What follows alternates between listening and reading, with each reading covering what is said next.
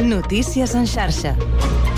Bona tarda, són les 4, us parla Marc Ventura. El jutge de l'Audiència Nacional, Francisco de Jorge, ha imposat a l'expresident de la Federació Espanyola de Futbol, Luis Rubiales, la prohibició d'apropar-se en un radi de 200 metres a la jugadora Jennifer Hermoso, així com comunicar-se amb ella durant la interacció de la causa oberta del petó forçat a la final del Mundial femení. En la seva resolució, el magistrat ha rebutjat la petició de la Fiscalia d'imposar compareixences periòdiques finalment davant el jutjat, així com la sol·licitud sol·licitud de l'advocada d'Hermoso d'embargar-li els béns de forma preventiva. El Ministeri Públic també demanava la prohibició d'apropar-se a la jugadora, però en un radi de 500 metres. A tot això, les campiones del món de futbol s'han plantat i han comunicat a la Federació Espanyola de Futbol que no aniran a la pròxima convocatòria de la selecció. Amb el context de les pluges intenses avui a tot el litoral i prelitoral català anem a connectar amb el Servei Català de Trànsit per conèixer l'última hora de l'estat de les carreteres catalanes. Roger Serra, bona tarda. Hola, bona tarda. La veritat és que ara mateix la pluja ens complica moltíssim el trànsit en aquesta xarxa viària. Repassem bàsicament vies properes a Barcelona. Les dues rondes van molt plenes. De fet, la ronda de dalt presenta cua important en totes dues direccions. En sentit Llobregat hi ha un vehicle variat als túnels de Vallvidrera que complica molt el trànsit, però vaja, la ronda de dalt gairebé intocable, aquesta hora en tots dos sentits de la marxa. Passa el mateix amb la ronda litoral, que també va molt plena, aquesta sobretot en sentit Besòs, anant cap al nus de la Trinitat. Extrem sud hi ha aturada sortint de Barcelona, entre Sant Boi i Viladecans, a la C32, també d'entrada, ja en aquesta zona del Prat Cornellà, per enllaçar amb aquesta ronda de dalt tan plena. Autovia A2 plena, sobretot sortint de Barcelona, entre Cornellà i Sant Feliu, direcció Martorell. També parlem d'aturades a l'extrem nord, Pota Nord, B20, des del túnel de Santa Coloma fins a enllaçar amb el Nus, o a la C58 aturades, de fet tant d'entrada com de sortida de Barcelona, entre Barcelona i Barberà del Vallès. AP7, una altra via amb retencions destacades, sobretot entre Mollet i Barberà del Vallès, en direcció sud. També parlem d'algunes incidències. Un accident, per exemple, que talla la C65, a Caçà de la Selva, en tots dos sentits de la marxa, o també parlem de problemes, per exemple, a la C60, retencions aquí a Argentona, en sentit metró. Per tant, jornada amb molt trànsit, sobretot això, vies que envolten Barcelona, zona del Vallès i Baix Llobregat. És tot des del Servei Català de Trànsit. Gràcies, Roger. Seguirem pendents. Mentrestant, avui s'ha fet a Mollet l'acte de graduació dels agents que han superat el curs de formació bàsica per a policies del 2023. Albert Maspons, Vallès Visió. Aquest ha estat el curs de formació bàsica de policies que ha comptat amb més dones. Han representat el 34%. D'aquesta manera s'avança en una línia que fa anys que es treballa des del govern català. Escoltem a Pere Aragonès, president de la Generalitat. Estem fent un esforç per rejuvenir el cos, però també per feminitzar-lo. Mai hi havia hagut tantes dones mosso d'esquadra com ara. I aquesta és una excel·lent notícia. Dues de les alumnes que avui s'han graduat són la Judit i la Laura. Després de mesos intensos de feina, han superat la formació. Les escoltem. Ha sigut un treball molt constant, continu, i per fi hem pogut tocar el cel amb la gorra feminitzar els cossos de seguretat aporta la, la qualitat que, que requereix un, una policia com la de Catalunya, moderna, amb els valors que, que s'intenten transmetre des d'aquesta institució. Després d'un acte en el qual ha imparat el protocol, aquest s'ha tancat amb el llançament de gorres a l'aire, un moment que ja és tota una tradició. I mor l'artista Fernando Botero als 91 anys. Les figures del cavall a l'aeroport o el gat de la Rambla del Raval són exemples de les seves creacions.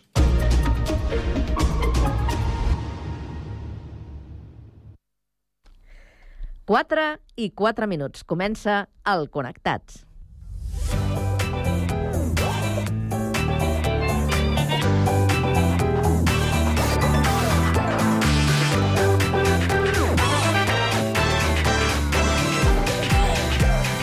Connectats amb Carme Reversa.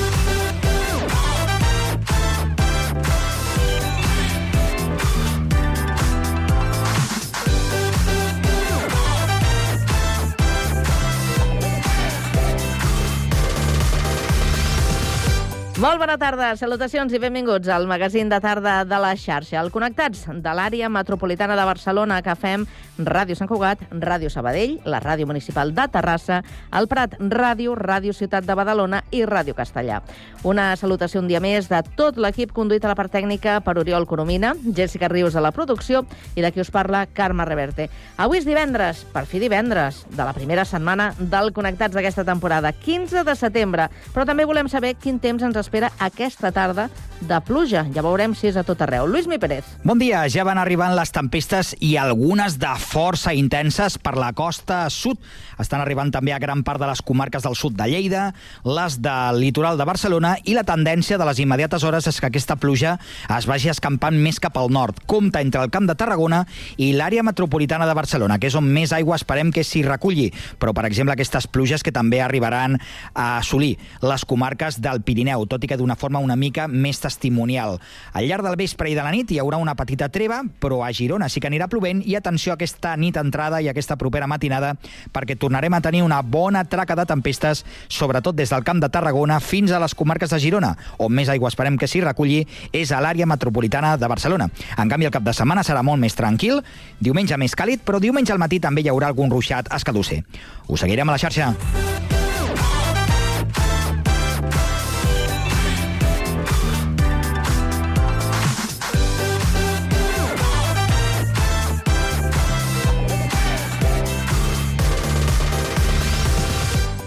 Doncs avui al Connectats farem balanç de l'última temporada de Teatre a Catalunya i també sabrem quines són les previsions per a aquesta nova temporada. Parlarem amb Jofre Blesa, vocal de la Junta de l'Associació d'Empreses de Teatre de Catalunya.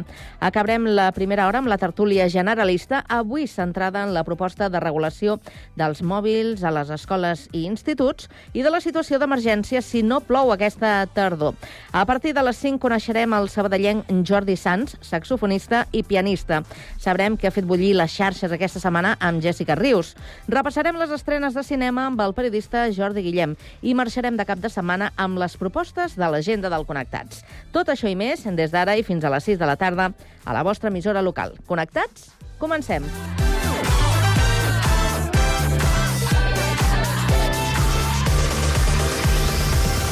Connectats amb Carme Reverte.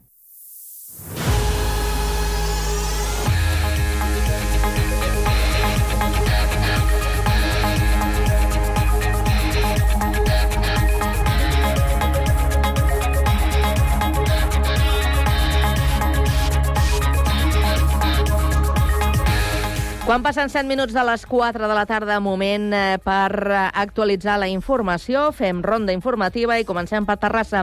Sergi Estapé, bona tarda. Bona tarda. El catedrat emèrit de l'Escola Superior d'Enginyeries Industrials, Aeroespacial i Audiovisual de Terrassa de l'UPC, Joseba Quevedo, ha estat distingit amb el Premi Nacional d'Automàtica que atorga el Comitè Espanyol d'Automàtica.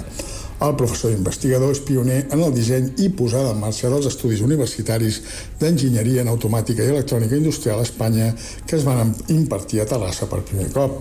Quevedo, que és d'origen basc però està establert a Sant Cugat del Vallès, és catedrat emèrit, catedràtic emèrit de la Universitat Politècnica de Catalunya, Barcelona Tec, i professor durant 34 anys a Terrassa. Ha estat distingit amb aquest premi que agrupa investigadores, professors i professionals de l'automatització, el control, la robòtica, la visió i la intel·ligència artificial. La trajectòria docent i investigadora de Quevedo es tradueix en 43 anys dedicats a l'enginyeria automàtica i la robòtica, la fundació de dos grups de recerca, centenars de publicacions científiques, desenes de projectes d'R+D i la creació dels diplomes de l'UPC per a més grans de 55 anys. Gràcies, Sergi. Seguim al Vallès Occidental, ara en la Q-Capital, a Sabadell, per saber què és notícia. Pau Duran, bona tarda. Bona tarda. El Cuerpo en Llamas, la sèrie que està al top 10 de visionats a Netflix en 63 països, té participació sabadellenca.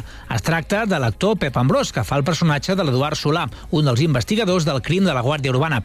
Ambrós reconeix que li convé tenir aquesta visibilitat per trobar nous papers, tot i que segueix depenent de la sort que els encarregats de les produccions pensin en ell quan el necessitin. Pel que fa al rodatge de la sèrie sobre Rosa Peral, diu al programa al matí que va ser molt fàcil treballar amb directors que ja coneixia. Tinc la sort que amb els directors ja havia treballat, amb el Jorge Torregrosa vam fer H, que vam fer dues temporades que està a Netflix des de fa anys, encara hi és, i amb la Laura Manyà vam fer Frederica Montseny, una, una telemovie que va guanyar el Gaudí fa un parell d'anys um, per TV3 i amb ell sempre m'hi he entès molt bé i de fet, uh -huh. doncs, és, quan treballes amb directors amb qui has treballat i, i que ja has entès, doncs és casa en aquest sentit. Va ser un passeig, va ser molt còmode i va ser, va ser un gust. Ell, que no és consumidor habitual de sèries, considera que en el seu cas Netflix ha apostat per un producte on es pot presumir d'autoria, enmig del gruix de produccions comercials. Gràcies, Pau. Anem del Vallès al litoral, concretament a Badalona. Andrea Romera, bona tarda. Bona tarda, Carme. La Fiscalia descarta les acusacions de prevaricació i malversament contra els comandaments de la Guàrdia Urbana de Badalona. Queda arxivada, doncs, la investigació sobre el possible cobrament irregular d'hores extres per part de la cúpula de la policia local. Tot i així, l'escrit de la Fiscalia, al que ha tingut accés Badalona Comunicació, remarca que l'Ajuntament no exerceix cap mena de control sobre el cobrament d'aquest tipus d'extres financeres i per aquest motiu no pot descartar que no s'hagin donat casos de desviació de diners. Les reaccions a la decisió de la Fiscalia no s'han fet esperar i l'equip de govern diu que respecta la sentència i que ja abans que aquesta es produís planificava una millora del control horari a la comissaria de Guàrdia Urbana amb un sistema automatitzat. Segons Recursos Humans, fins ara els agents notifiquen l'horari laboral amb la signatura a mà de les entrades i sortides. S'ha entès que no hi ha cap tipus de fonament jurídic, acreditació del delicte que s'estava denunciant per l'anterior govern i per tant doncs, bueno, tots els respectes en aquesta resolució i, i els fonaments que, que hi conté. Des de l'equip de govern el que ja s'estava fent i és imminent la seva col·locació és l'adquisició d'uns rellotges de control justament perquè es pugui eh, fitxar eh, i controlar eh, el que és l'assistència la, al treball i les hores de treball. La regidora ha dit també que l'augment de la plantilla a partir de l'any vinent, amb 46 noves places ja convocades, també ha de servir per minimitzar les hores extres. Gràcies, Andrea. Seguim al litoral, ara des del Prat de Llobregat. Rocío Santaofèmia, bona tarda. Bona tarda. La trobada de dones del Prat arriba a la 20 edició demà amb la síndrome de la impostora com a tema central. Es tracta d'un espai de retrobament que representa l'inici del curs feminista i on dones de la ciutat comparteixen i visibilitzen sabers col·lectius, així com de formació i relació intergeneracional. La jornada començarà amb una conversa amb la llicenciada en Humanitats i periodista Emma Vallespinós, autora del llibre llibre No lo haré bien i guionista a la ventana de Cadena Ser són dues psicòlogues que a finals dels anys 70 posen nom en masculí, no? el síndrome de l'impostor, però què passa? Que quan estudien el cas concret de les dones, elles observen eh, dones que objectivament tenen una formació brillant, unes carreres excepcionals, i elles atribuïen els seus mèrits a tot de coses que no tenien a veure en cap cas amb la seva vàlua ni amb la seva capacitat. No? Elles ho atribuïen al factor sort, a haver-se esforçat molt, inclús a un error. Després de la xerrada tindrà lloc un monòleg amb Rocío Quesada de l'obra de teatre En qué momento me hice la moderna y quise ser madre. La jornada acabarà amb una taula rodona en què dones de diferents àmbits s'explicaran com viuen o han sentit la síndrome de la impostora en primera persona. Gràcies, Rocío. Seguim aquest repàs a l'actualitat ara des de Castellà del Vallès. Rocío Gómez, bona tarda. Bona tarda, tot i que venim amb la ressaca de Festa Major, aquest cap de setmana també tenim molta activitat a Castellà. Per exemple, us proposem que participeu a l'Skip Room, candidat a la Biblioteca Municipal Antoni Tort, al Misteri de la Piràmide. El matí de dissabte serà per infants de 5 a 12 anys. I encara un apunt més perquè aquest diumenge tindrà lloc la 21a trobada de tardor del Puig de la Creu, itineraris de natura, observació del paisatge, matinal de portes obertes, activitats culturals i un esmorzar popular. I abans d'acabar, repàs a l'actualitat de Sant Cugat, eh, com sempre, de la mà de Jessica Rius. Bona tarda, Jessica. Bona tarda. Cugat Mèdia ha sigut l'escenari d'un debat entre els dos candidats principals a presidir la cambra de Terrassa, a la qual hi pertanyen i tenen un paper molt actiu les empreses i autònoms de Sant Cugat. El període per votar comença aquest divendres 15 de setembre. Fins al dia 19 es podrà votar de manera telemàtica i el dia 20 es podrà votar de manera presencial a la seu de la cambra al carrer Blasco de Garay a Terrassa. Ramon Talamàs és el líder de la candidatura a la teva cambra i candidat a la reelecció. L'aspirant a la presidència és Natàlia Cugueró, líder de la candidatura Eines de País, que en els últims quatre anys ha sigut vicepresidenta del Consell Executiu amb Talamàs. L'encara president defensa el tancament de la delegació de la cambra a Sant Cugat fa dos anys. Nosaltres, per la pandèmia, per una situació extraordinària, vam valorar tancar la delegació, en la qual es feien bàsicament tràmits documentals i que els podien passar a Terrassa, a la central. Això ho vam fer eh, al març del 2020, amb la pandèmia, i eh, ens vam donar compte que les coses digitalment es favorien. En canvi, un dels punts forts del programa electoral de Natàlia Cugueró és precisament la reobertura de la delegació Sant Cugatenca.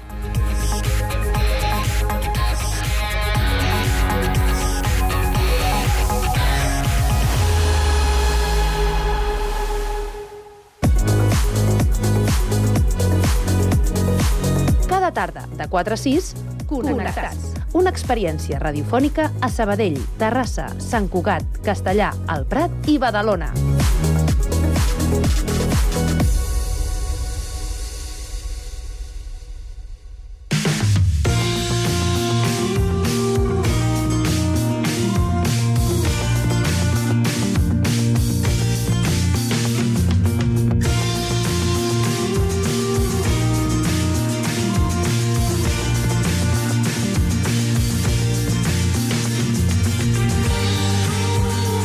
Els teatres catalans gairebé han arribat a 3 milions d'espectadors la temporada 2022-2023 i han batut rècord de recaptació. Fem un balanç de la temporada de teatre amb el vocal de la Junta de l'Associació d'Empreses de Teatre de Catalunya i director artístic de la sala Versus Glòries, Jofre Blesa. Bona tarda, Jofre. Molt bona tarda. Bona tarda. També saludem a la nostra companya, l'Andrea Romera, que es troba als estudis de Ràdio Ciutat de Badalona. Andrea, bona tarda. Bona tarda. Bé, doncs eh, estem parlant de xifres com aquests 2,8 milions d'espectadors, que són xifres molt properes al rècord històric que es va assolir el 2012 amb 3 milions d'espectadors. De, Des de l'associació, Jofre, com, eh, com rebeu aquestes xifres? Eh, no sé si s'han acabat de, de complir les expectatives que teniu o si s'han superat. Eh, sí, pues, la veritat que estem molt contents, com es pot entendre que arribar a aquesta xifra Uh, en aquests moments, pues, per nosaltres, és, és, bueno, és una... ens omple de goig, no? veure que la gent consumeix cultura, consumeix teatre i realment uh, arribar a quasi els 3 milions d'espectadors en una temporada pues, és una fita que, com bé, és històrica. No? Ens tenim que remuntar això, no? a la temporada 18, eh, bueno, una mica abans per arribar a aquests 2.700.000 o 2.600.000 i, i la veritat que bueno, esperem continuar creixent, no? que és la, la nostra responsabilitat. Mm. L'any passat, de fet, us proposàveu superar els 2 milions i mig eh, d'espectadors i, com dèiem, heu obtingut eh, 2,8 eh, milions. Per tant, eh, podríem, podríem dir que, que feina feta, no? Que bé. Corre sí, bueno, sí, sí, clar, és, és una... la feina està assolida, però en, bueno, seguim treballant perquè bueno, l'objectiu és els 3 milions, no? Volem aquest repte dels 3 milions i aquesta temporada dipositarem tots els esforços per arribar als, a aquesta xifra tan, tan, bueno, tan somiada que són els, els 3 milions d'espectadors. Clar, perquè no hem d'oblidar que aquests últims anys, després de la Covid, han estat anys eh, complicats i m'imagino que això, vulguis que no, encara, encara s'arrossega. Ha costat molt de, de, de recuperar-se? Mm, sí, la veritat que sí. O sigui, la, el, el 2020, que va ser l'època Covid, clar, hem incrementat quasi 1.400.000 espectadors des del 2020 al, dos, al 2023. O sigui que realment la, la, el creixement ha sigut exponencial. El 2022 21-22 ja vam tenir quasi 2.300.000 i el rècord ha sigut aquesta temporada 2.700.000, eh, no? la 23. O sigui que sí que és veritat que hi va haver una recessió important i ja venien del 19 amb una recessió d'espectadors Eh, bueno, amb, amb el 2018, que estàvem en 2.500.000, vam baixar a 1.700.000, vam baixar a 1.400.000 durant l'època Covid i després ha sigut la remuntada, que ja vam passar quasi de 900.000 espectadors entre la 20 i 21 i, i ara entre la 21, 22, 23, doncs això, aquests 2.700.000, que són un increment de 500.000 respecte al 2022, 2021, 22. Mm. Ara que comenta el tema de la Covid, la Carme, recordem que durant el confinament com la postpandèmia, les sales de teatre es van veure molt castigades, així com altres oficis com l'hostaleria o d'altres oficis, com el cinema també. Com es van viure aquells mesos d'incertesa? Ara veiem que, que és una, hem, hem viscut una recuperació molt bona, però, clar, aquells mesos, vosaltres us esperàveu que podríeu arribar a les xifres en què esteu ara? Eh, per descomptat que no. O sigui, el sotrac del famós 14 de març del 20, quan ens diuen que es tanquen els teatres, que va ser el primer que es va tancar, o sigui, es van tancar els cinemes i els teatres. Clar, nosaltres preveiem que seria una cosa de 15 dies, que va ser la notícia que serien 15 dies. Clar, de 15 dies vam passar a 6 mesos o 5 mesos, no? Sí que és veritat que, que el sotrac va ser important, o sigui, la sensació de, de, de desert eh, bueno, ens va colpir a tots, però eh, bueno, el món de la cultura és el que té, no? que al final en situacions extremes s'hi posa i, i la veritat que s'ha de dir que bueno, va ser difícil, però tothom va remar en una mateixa direcció, tant institució com institucions privades, com teatres, com companyies, bueno, tothom va tirar cap a un, cap a un horitzó que finalment bueno, vam ser el primer eh, país que va obrir eh, a l'agost. Ens van deixar obrir amb, amb restriccions, però vam poder obrir, no? Clar, aleshores, eh, bueno, realment això et dona aquesta sensació de que sí, que va ser dur, però que ho hem superat i ho hem superat amb escreix, perquè vam passar això, no? del 1.400.000 als 2.700.000 o 2.800.000 aquesta temporada. No?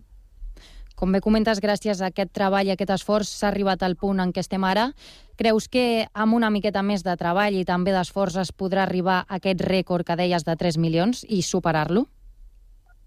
Jo crec que sí, jo crec que sí. Jo crec que la, la percepció de la gent, bueno, el teatre i la cultura i, bueno, i les arts escèniques en viu, o tota la cultura en viu, jo crec que està agafant força, no? Estem passant en una època tecnològica que tothom mira per pantalla i aquesta experiència de veure les coses en viu i en directe eh, bueno, està agafant força, està agafant volada i, i realment s'està veient no? amb xifres. Eh, sí que és veritat, bueno, eh, entenem que bueno, el que tenim que fer nosaltres és l'esforç de mantenir la gent, no? que entengui que realment que no és una cosa passatgera, sinó que anar al teatre o consumir circ, dansa, música, és una experiència cultural i ho hem de veure així, no? O sigui que tenim que treure i atreure i mantenir la gent, no? Que es fidelitzi. Una altra de les xifres destacades d'aquesta temporada és que el 43% de les funcions han estat en català. Et volia preguntar què et sembla tu aquesta xifra i si penses que el teatre pot ser una bona eina no?, per ajudar el català tenint en compte la situació en la que es troba actualment. Eh, totalment. Com, com bé has comentat, el, aquest any ha sigut el 43%, de, de dramatúrgia catalana i, i, bueno, i seguim, no? seguim amb, amb l'aposta de, dramatúrgia contemporània, dels clàssics catalans, i, i sí que és una manera no? de reivindicar la llengua, cuidar la llengua i, i posar-la de manifest. No? O sigui que és, és, és llengua oficial i, per tant, li tenim que tenir el mateix eh, respecte i donar-li tot el valor que té i des de la cultura li tenim que, bueno, això, no? O sigui, empujar perquè no, perquè no decaigui. Aquest, tenim que passar d'aquest 43 i arribar al 50% o al 55% de, de dramaturgia catalana tant sigui... bueno, ja, ja no és això, o sigui, també l'objectiu nostre és començar a internacionalitzar-ho, no? que no ens quedem aquí, que, o sigui, que el català té que començar a obrir fronteres com ja s'està fent per moltes companyies i moltes produccions, però tenim que tenir més visibilitat arreu del món eh, i, i que es parli català. Uh mhm. Hem parlat de funcions, hem parlat d'espectadors, però també hem de parlar de recaptació, que en aquest cas sí que ha estat de rècord, gairebé 85 milions d'euros. Què suposa això, Jofre, eh, pel sector a Catalunya? Bueno, suposa realment aquesta solvència, no, no solvència, però bueno, aquesta sensació de, de que, de que bueno, som una indústria, som un, dintre de tot el teixit, el teixit eh, empresarial o el teixit econòmic de, de, del país. No? O sigui, nosaltres al final no deixem de ser o reclamem aquest 2% famós dintre dels pressupostos perquè realment som un motor no? dintre de l'economia i s'ha demostrat. O sigui, aquest creixement de quasi 20 o 19 milions respecte a l'any anterior doncs denota aquesta, aquesta, bueno, aquesta viabilitat econòmica que, que ofereix el, el món de la cultura. No? Com bé comentes, han estat 19 milions d'euros més respecte a l'any anterior. Com es poden explicar aquests números, si és que tenim algun motiu concret? Pot ser que la gent consumeixi més cultura, pot ser que també que el teatre hagi experimentat una evolució qualitativa. Sabem, tenim identificat algun factor? Jo crec que s'uneixen moltes coses aquí. Jo crec que s'uneix el, el tema de, de la visibilitat, el tema de, de la, entendre que de, les arts en viu eh, forma part del, te, del teu dia a dia, o sigui que al final consumir cultura et fa millor i, i realment, bueno, sí, és veritat, no? els espectacles cada, bueno, sempre han sigut de qualitat, però aquesta qualitat la mantenim sempre i, i la gent ho valora. O sigui, al final realment eh, sí que anar-se'n a veure un gran musical, te'n podies anar a Madrid o te'n podies anar a Londres, ja remei el tens aquí, no? O tens l'exemple més clar que és el Mago Pop, no? El Mago Pop no deixa de ser eh, aquest referent de, de, de les coses ben fetes i, i, amb, i amb aquesta internacionalització d'un producte fet aquí, no? fet aquí a, a casa. Hem parlat de xifres d'espectadors, hem eh, parlat també de recaptació.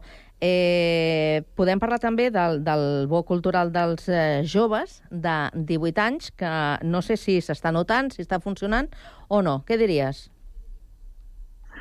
Um, si et soc franc, jo crec que encara està costant. O sigui, hi ha un, un segment de, de, de població que... bueno, el públic jove els està costant, lògicament. El públic jove ara mateix eh, té altres inputs que són més tecnològics i el món del teatre pues, encara no... bueno, hi ha, i s'està fent molta cosa perquè el públic jove pugui venir al teatre, però és una franja d'edat que és, és difícil. Que estem treballant tots, estem treballant. Hi ha moltes polítiques, hi ha moltes eh, estratègies per intentar captar el públic jove però eh, no, no, no diem que és un públic que el tenim, no? és un públic que tenim que anar lluitant. O sigui, per exemple, el públic gran, el públic de 60-65 cap a dalt, que l'hem perdut durant la pandèmia, l'hem recuperat molt ràpid, no? Ha sigut un públic molt fidel, o sigui, va tenir una època, va ser bastant complicada l'assistència al teatre, però que bueno, ara s'ha notat, no? des de fa un any, un any el públic de partit de 60-65 ja és omple platees. No?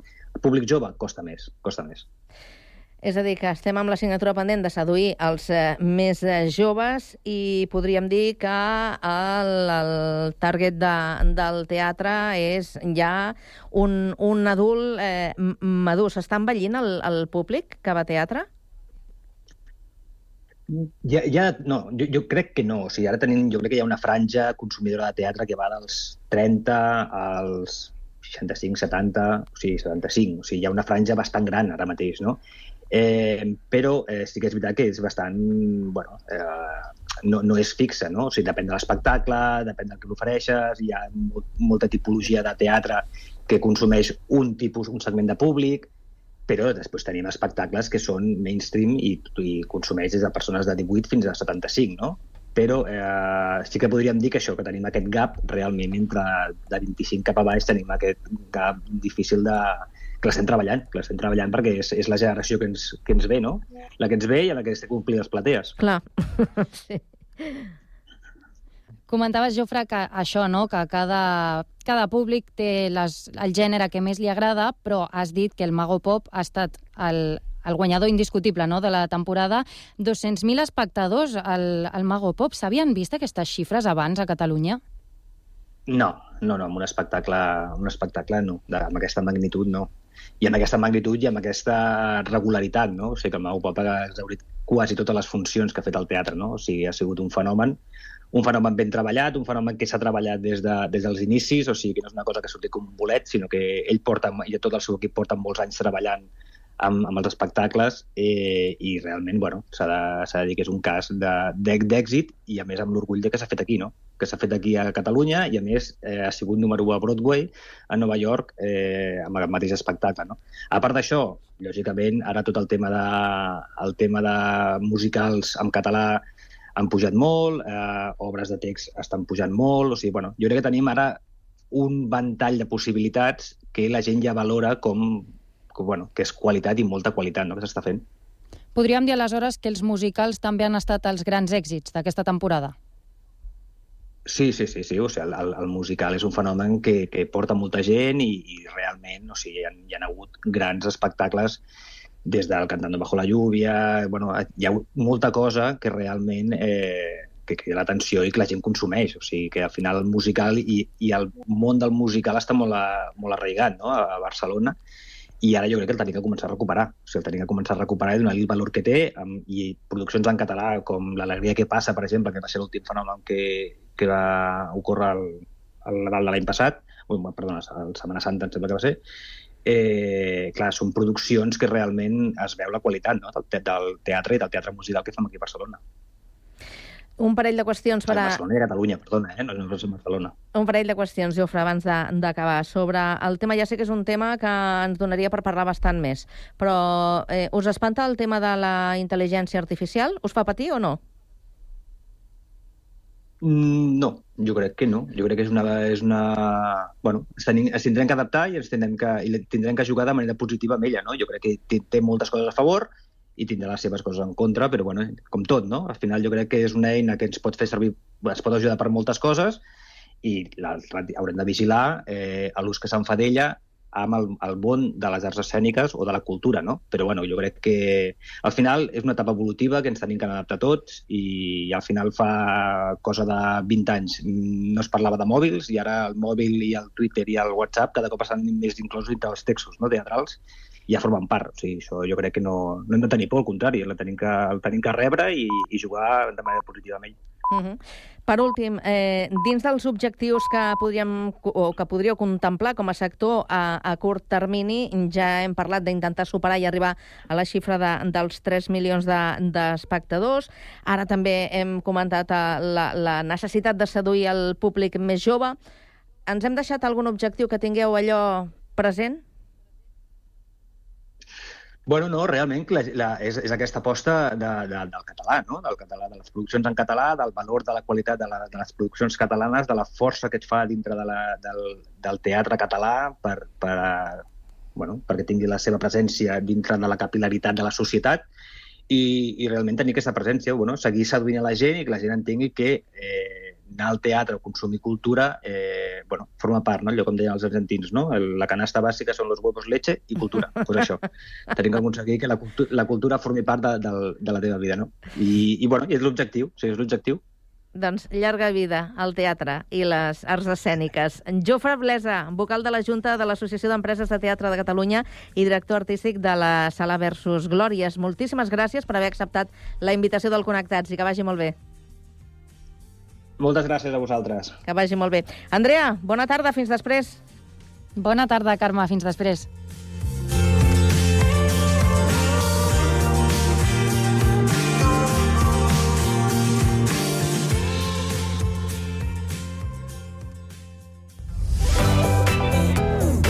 Connectats una experiència radiofònica a Sabadell. Ràdio Sabadell, 94.6. Terrassa. Ràdio Municipal de Terrassa, 95.2. Sant Cugat. Ràdio Sant Cugat, 91.5. El Prat. El Prat Ràdio, 91.6. Castellà. Ràdio Castellà, 90.1. I Badalona. Ràdio Ciutat de Badalona, 94.4. Cada tarda de 4 a 6, connectats.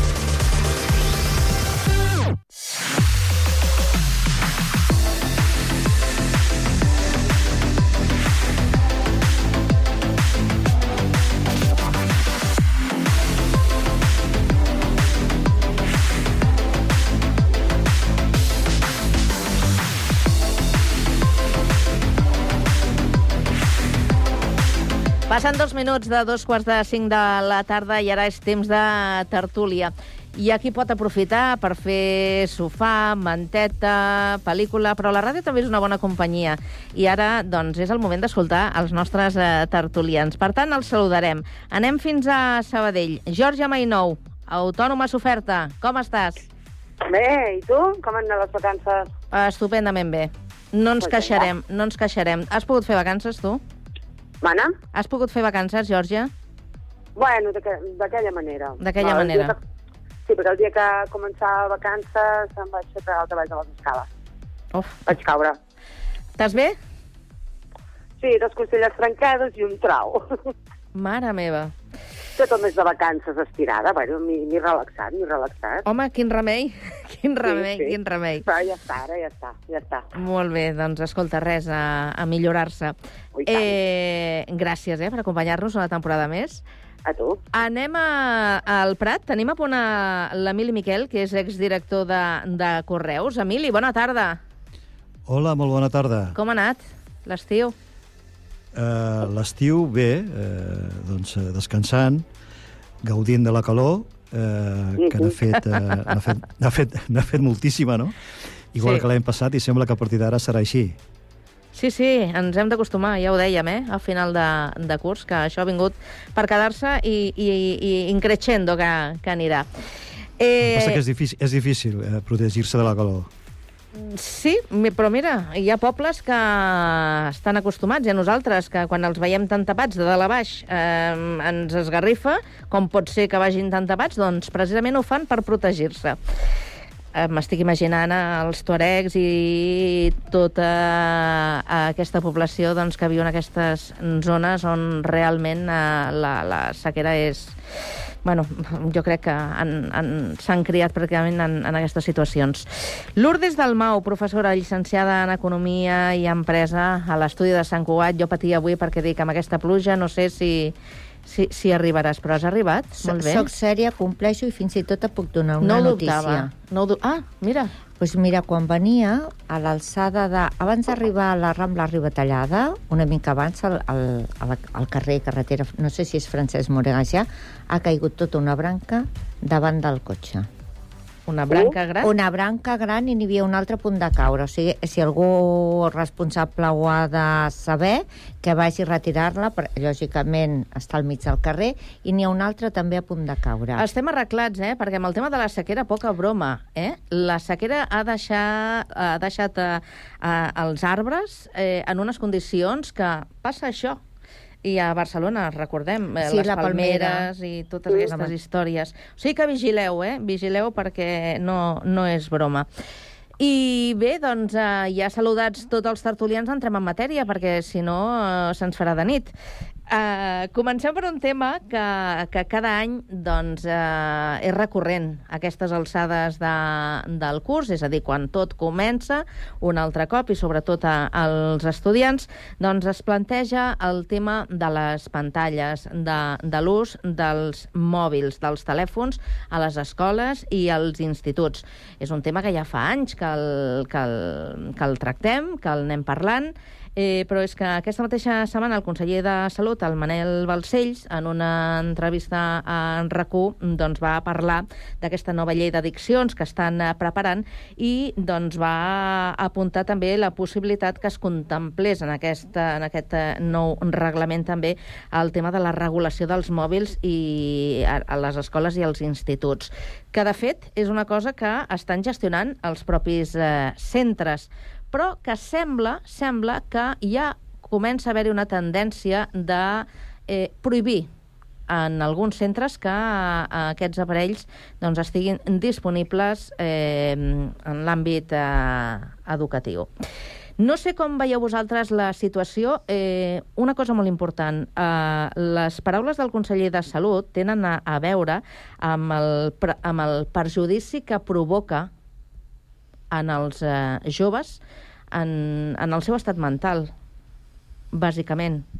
Penseu que s'han triplicat els intents de, de suïcidis entre els joves, un altre tema que també hem tractat i que això doncs, eh, s'ho estan mirant molt, molt seriosament perquè és un tema molt, molt preocupant.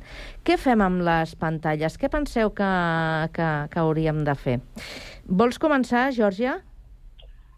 Mira, mm, realment s'haurien de prohibir, s'haurien de prohibir en el col·le, o sigui, no entrar, ja, deixar-los a la secretaria o on fos, ni a l'hora del pati, res, perquè l'addicció que té últimament jo, que tinc un adolescent a casa, és terrible.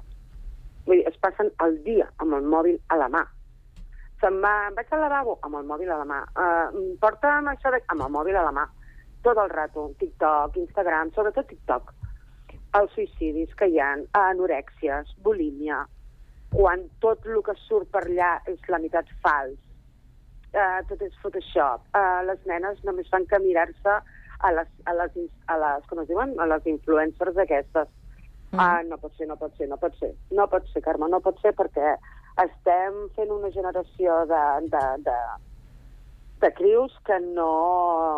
Eh, són, és una generació de l'immediatesa, ho volen ja, eh, els, els bombardegen contínuament, contínuament, contínuament, no saben què és la, la cultura de l'esforç. Uh, no, és que algú hauria de parar tot això. O s'hauria de parar, perquè no, no...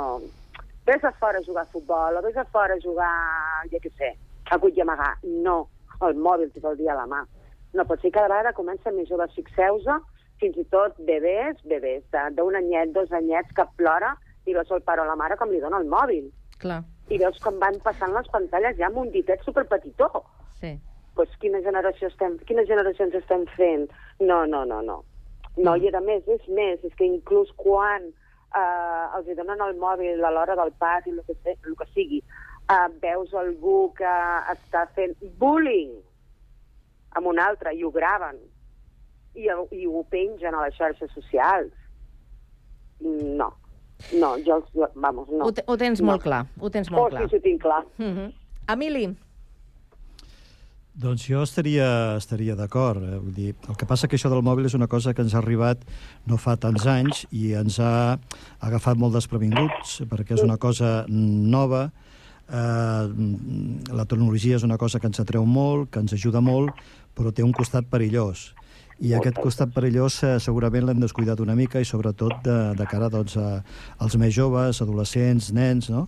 De la mateixa manera que ja fa molts anys, eh, eh, dècades, segles que convivim amb l'alcohol i sabem que l'alcohol, doncs, per la canalla, doncs, eh, vull dir, ha de tenir limitacions. Si no vas a un bar i un nano de, de 14 anys no pot demanar una copa de conyac, doncs amb la tecnologia això no passa. Eh, la tecnologia està a l'abast de, dels més joves, dels més, eh, dels més febles, i eh, això porta conseqüències. El que passa que això és una cosa recent, diguem, a, a la història, aquesta, aquesta, aquesta nova tecnologia, no? la tecnologia de, dels mòbils, de les, de les pantalles, i encara no n'hem après. Jo suposo que amb l'experiència doncs, anirem corregint coses, perquè, de fet, eh, la història de la humanitat sempre, sempre han sabut doncs, corregir no? I, i, al final, doncs, adaptar els, els avenços que s'han anat produint. La Lourdes, que és eh, professora, però clar, estem parlant d'alumnes de més, de més edat. Però vaja, que m'imagino que també et deus trobar amb algun problema que altre, no? Eh, tinc molt criteri i a més puc explicar una anècdota del, de l'últim dia de, de classe.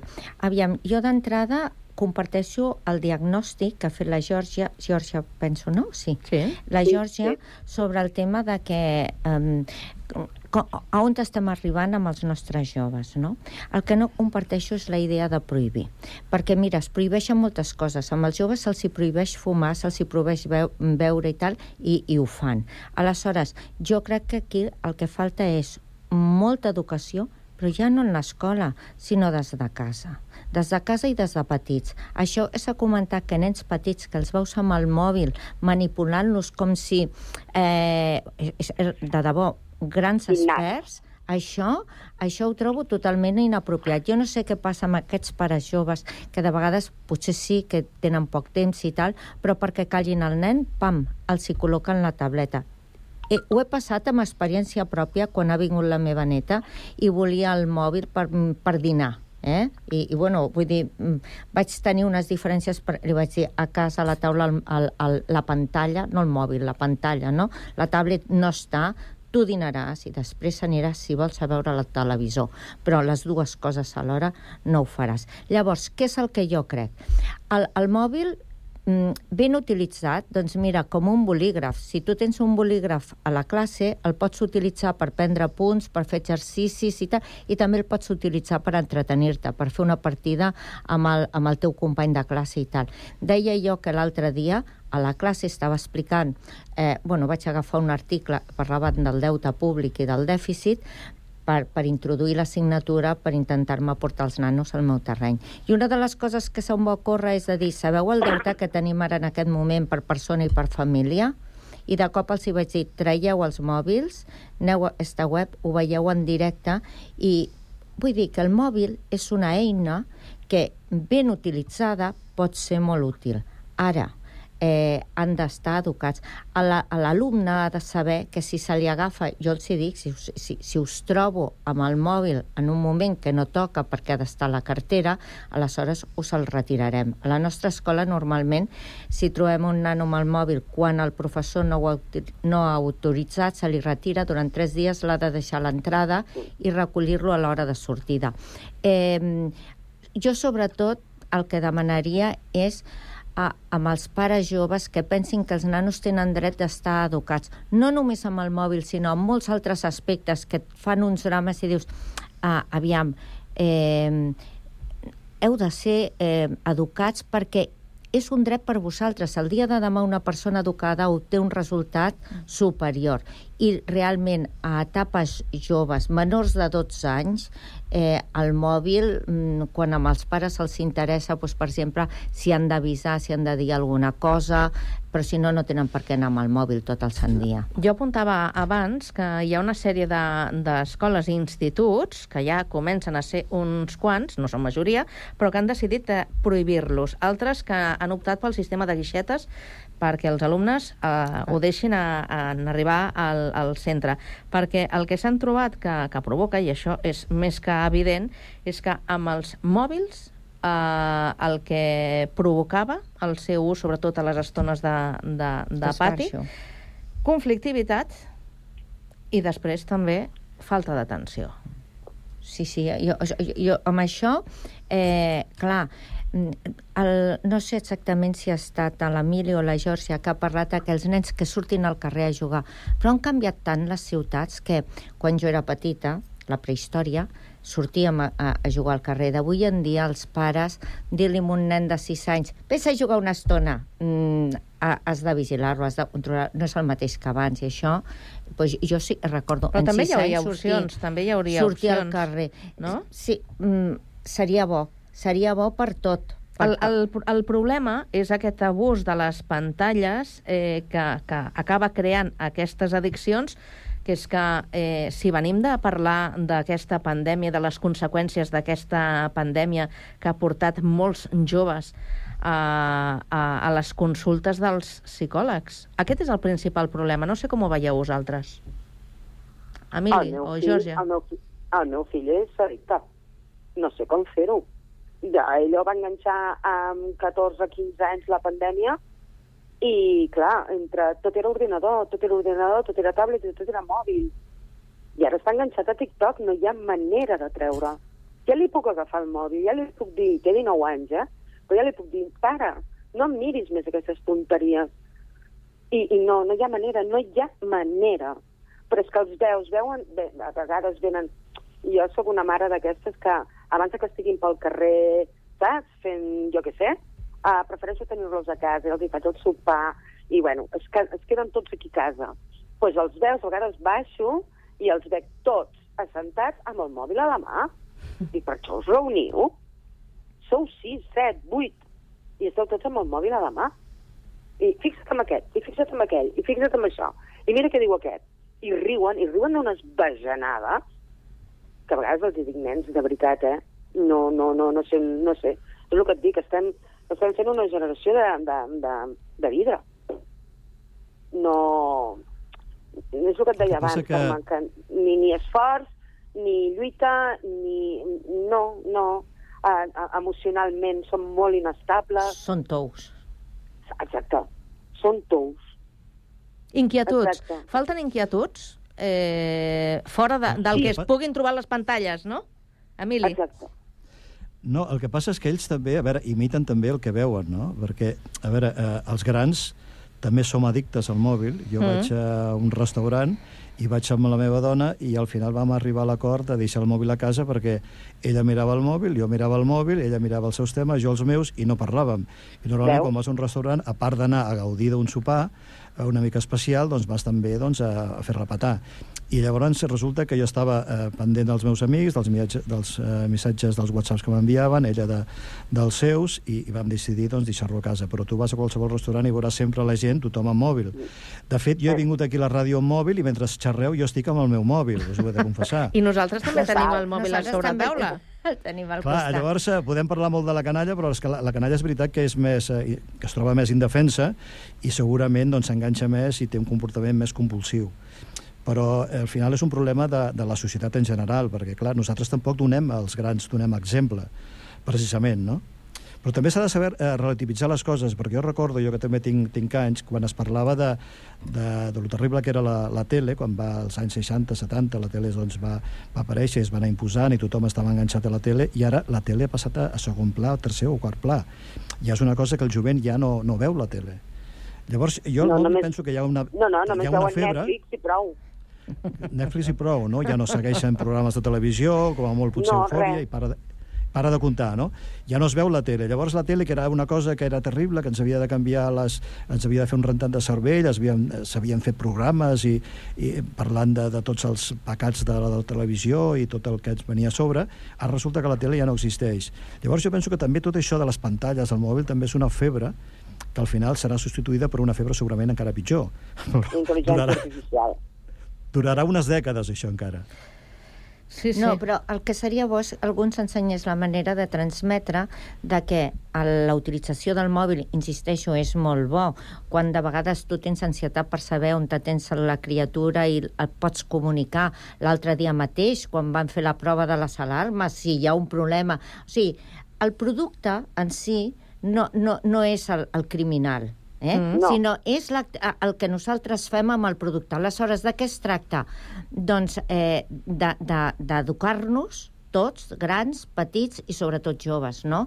I, i saber dosificar i les persones, diguem-ne, ja estan de manera totalment enganxada, doncs buscar ajut amb especialistes que, que puguis treure't, diguem-li, de, de, de, d'aquest domini, no? Perquè eh, jo insisteixo, la gent que veu i la gent que agafa una, una addicció, que llavors necessita ajuda. Amb, el, amb els mòbils passa el mateix. Hi ha És que les pantalles són una altra addicció. És la, la, la última addicció que hem incorporat sí. a, per tant, a la llista. necessites una ajuda especialitzada. Sí. Si, no, si, si se'ns ha escapat de les mans, no? Exacte. Bé, doncs, uh, un tema que, com cada inici de, de curs, en els últims temps uh, hem anat uh, tractant i que una vegada més doncs, uh, hem posat a sobre la taula perquè um, aquesta és la situació que ara mateix uh, estem uh, vivint. Una altra situació que també estem vivint i que veurem com arriben els pròxims eh, mesos és aquesta sequera. Una sequera que, malgrat eh, avui estiguin caient eh, quatre gotes, eh, jo no sé si a, a Sabadell i al Prat està, aquí està està plovent plovent. molt, eh? Està plovent molt. I al Prat? Sí. El Prat també, sí. Jo he, jo he vingut de, des de casa eh, aguantant la pluja amb el paraigües i l'impermeable. Clar, però és que diuen que necessitem que, que plogui eh, eh, amb ganes, o sigui, que plogui... Que plogui bé, Que, que plogui plogui bé, bé. però que també ho faci eh, amb, amb, De manera amb generosa. continuïtat. Sí, perquè és que Sí. si no, no, no arribem a, a omplir el, les reserves d'aigua que, que hi ha ara mateix disponibles, que estan en un 23% només. I, i jo, per, per exemple, és evident eh, que no ha plogut, que portem temps que no plou, perquè jo ja no ho refereixo a aquest any, sinó a mi que m'agrada la pluja, eh, la trobo faltar moltíssim, no? Aleshores, evidentment tenim un problema. I per altra banda, si en un determinat moment doncs, teníem amb els, eh, amb, amb, Els embassaments? Ah, els embassaments i tal. Bueno, aquesta norma de caràcter europeu que hi ha que s'han de deixar les, la, la, les canalitzacions dels rius fluvials per no eh, entrebancar el procés natural per les espècies... Home, i doncs jo tot això també m'ho miraria, perquè, clar, nosaltres estem en un país que, que mm, tenim fortes sequeres, ho hem tenit sempre. Jo, on era petita, no sé, no, no sé potser amb, amb història, no? La, la, la frase aquella se'm va quedar petita, la pertinaz sequia, no sé si us sona, la pertinaz sequia. Som un Sí. país que té aquestes característiques. Aleshores, escolta, tenir una prevenció d'acumular aigua, si no hi ha una manera més tècnica, per exemple, que l'aigua del mar, que d'aigua n'hi ha molta, que la tractin per poder reutilitzar, doncs, escolta'm, alguna cosa s'ha de fer. Tenim sequera, lamentablement, però el que no podem fer és dir, doncs pues no bevem, No, és que ara tots els recursos que tenim, com les de, desalinitzadores, les depuradores, tot això està funcionant a tope. que en posin més. Que en posin més, que inverteixin. Però eh, Franco ja va fer tots els pantanos que es podien fer. Eh, era l'èpo- era era l'època de la pertinaz sequia, no? Sí. Que el, el problema que tenia Espanya era que no plovia, en canvi a Europa sí que plovia i per això a Europa doncs, eh, la vida els anava millor. I aquí es van fer pantanos i pantanos i pantanos i seguim amb la pertinaz se, eh, sequia. no, és, no? la sequera no canviarà, és una cosa... De, aviam, els cicles Clar. Clar. climàtics eh, duren mil anys. Vull dir, eh, hi han hagut espècies que han desaparegut al llarg de, de, dels anys, no? Vull dir, això no canviarà, vull dir, que anirem a millor tant de bo. No. Vull dir, tant de bo, m'encantaria, m'encantaria poder-ho dir, però no ho espero. Aleshores, el que hem de fer és que anar, anar a resar, anar, anar a plorar, no, s'hauran de fer inversions. Aigua n'hi ha, l'únic que hem de fer és un tractament de l'aigua. De vegades dius, ah, bueno, doncs per, per desanalitzar... Ai, perdó, digue'm, Desalinitzar. Sí. Eh, doncs es necessita energia, tal i qual. Bueno, ara sembla que estem posant tots eh, pantalles de, de sol, no?, per, per tenir energia. Això sí que tenim, en termes generals, eh, és un país molt solejat, doncs escolta'm, aprofitem això i, no sé, utilitzem els recursos que tinguem d'una manera intel·ligent i que no ens falti allò que és bàsic. Perquè, eh, això de dir, tanquem l'aigua, com hem estat tot aquest estiu, eh, fa, bueno, cauen els arbres, està tot dit. Fem, fem la ronda. Emili, si vols acabar la intervenció, després la Georgia, que no ens queda sí, massa temps. Ara, el, el que passa, el problema és que, que ens facin sentir culpables perquè l'ús individual, familiar de l'aigua, el que nosaltres consumim és una part petitíssima eh, en relació amb el que consumeix la indústria, no? Llavors, eh, escolta, no, no deixis rejar l'aixeta, en lloc d'estar 15 minuts sota la dutxa, 3 minuts, tot això doncs, serveix de ben poca cosa. Això és com el reciclar, que al final eh, les coses van com van, no? I jo crec que al final el fet de, de, de difondre l'apocalipsis, perquè venim de, de la Covid i venim d'on venim, i es parla del canvi climàtic i la sequera, fa que la gent arribi un moment que no en faci massa cas perquè la gent ha de sobreviure, no? Llavors, com que altres vegades també ens han espantat molt amb això de la sequera i, i s'ha acabat, eh, al final s'ha resolt, perquè ha començat a ploure i s'ha resolt, els pantans estan buits i al final resulta que no, ara ja estan al 70, 80, 90%, doncs la gent en fa un cas relatiu, perquè és allò del llop, no? que ve el llop, que ve el llop, i al final, doncs, quan eh, al final vindrà el llop de veritat, però no, ens, ho- no vull dir, nosaltres ja no ens ho creurem. Georgia, tens uns, uns segonets. Vinga, mig minut. Ai, no sé, però no sé si vaig errada, eh? Però no van sortir les elèctriques dient que sí, que ells havien buidat tots els embassaments? Eh, el, el que jo tinc entès, que tampoc no m'hi posaria molt forta, però és que quan, quan l'energia estava tan cara, fer energia amb gas i tal, doncs, és clar van aprofitar molt l'aigua amb els embassaments, vull dir, fer l'energia, eh, la, la hidroelèctrica, no? I, clar, van gastar molta aigua. Que maco? Eh, que maco? Que ho veus, oi? És així. I qui paga, i qui paga sí, l'Anna? és, és això. Per no és, és, pato. Qui ho paga, eh, nosaltres? Sí, eh, sempre, sempre cau sobre els mateixos. Doncs uh, l'apocalipsi eh, diuen que podria arribar al novembre si aquí no, Mare no plou com ha de ploure. O sigui que estarem, estarem preparats pel que pugui passar. Eh, Lourdes, Emili, Georgia, que tingueu molt bon cap de setmana. Igualment, I moltes gràcies, Fins igualment. a la propera. Igualment. Que vagi Fins bé. propera. Ha estat un plaer, igualment. Igualment. Adéu, adéu.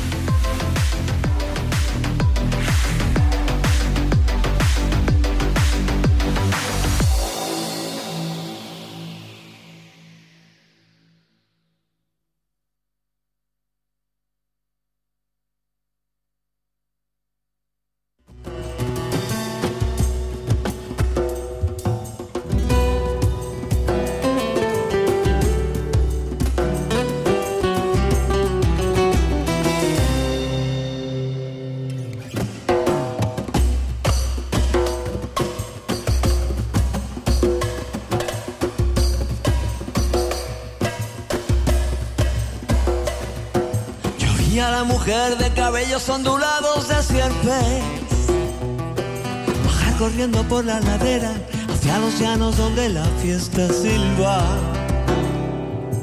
Vi los brillos en el borde de las copas durante aquella noche. Vi a los hombres dura piel morena en el temblor lejano del polvo de la pista. Vi flotar herrumbre de rejones en un instante que clava. Te giraste a mirarme. Supe del metálico rugido de motores en su efímera carrera hacia el confín del horizonte.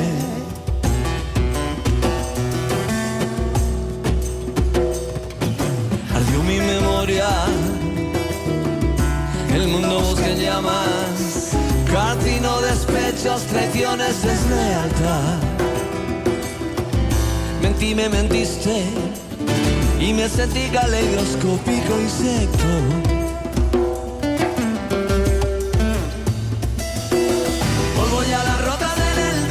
de una partícula de nada, porque si no te pertenezco, pienso en ti. Porque de una vida multitud de vedeas porque si no te pertenezco estás en mí.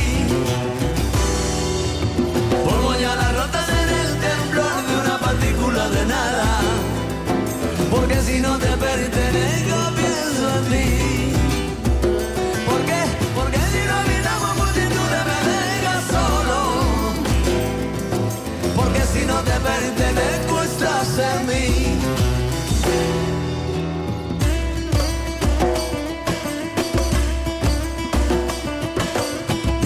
Barbados hombres cabalgar a pelo rodante. Anclar y resoplando morir por unas horas al desmayo del sueño. Puertas entreabiertas, escuché extraviadas risas. Murmullos, jadeos y un día que nacía tormenta de mares de lágrimas.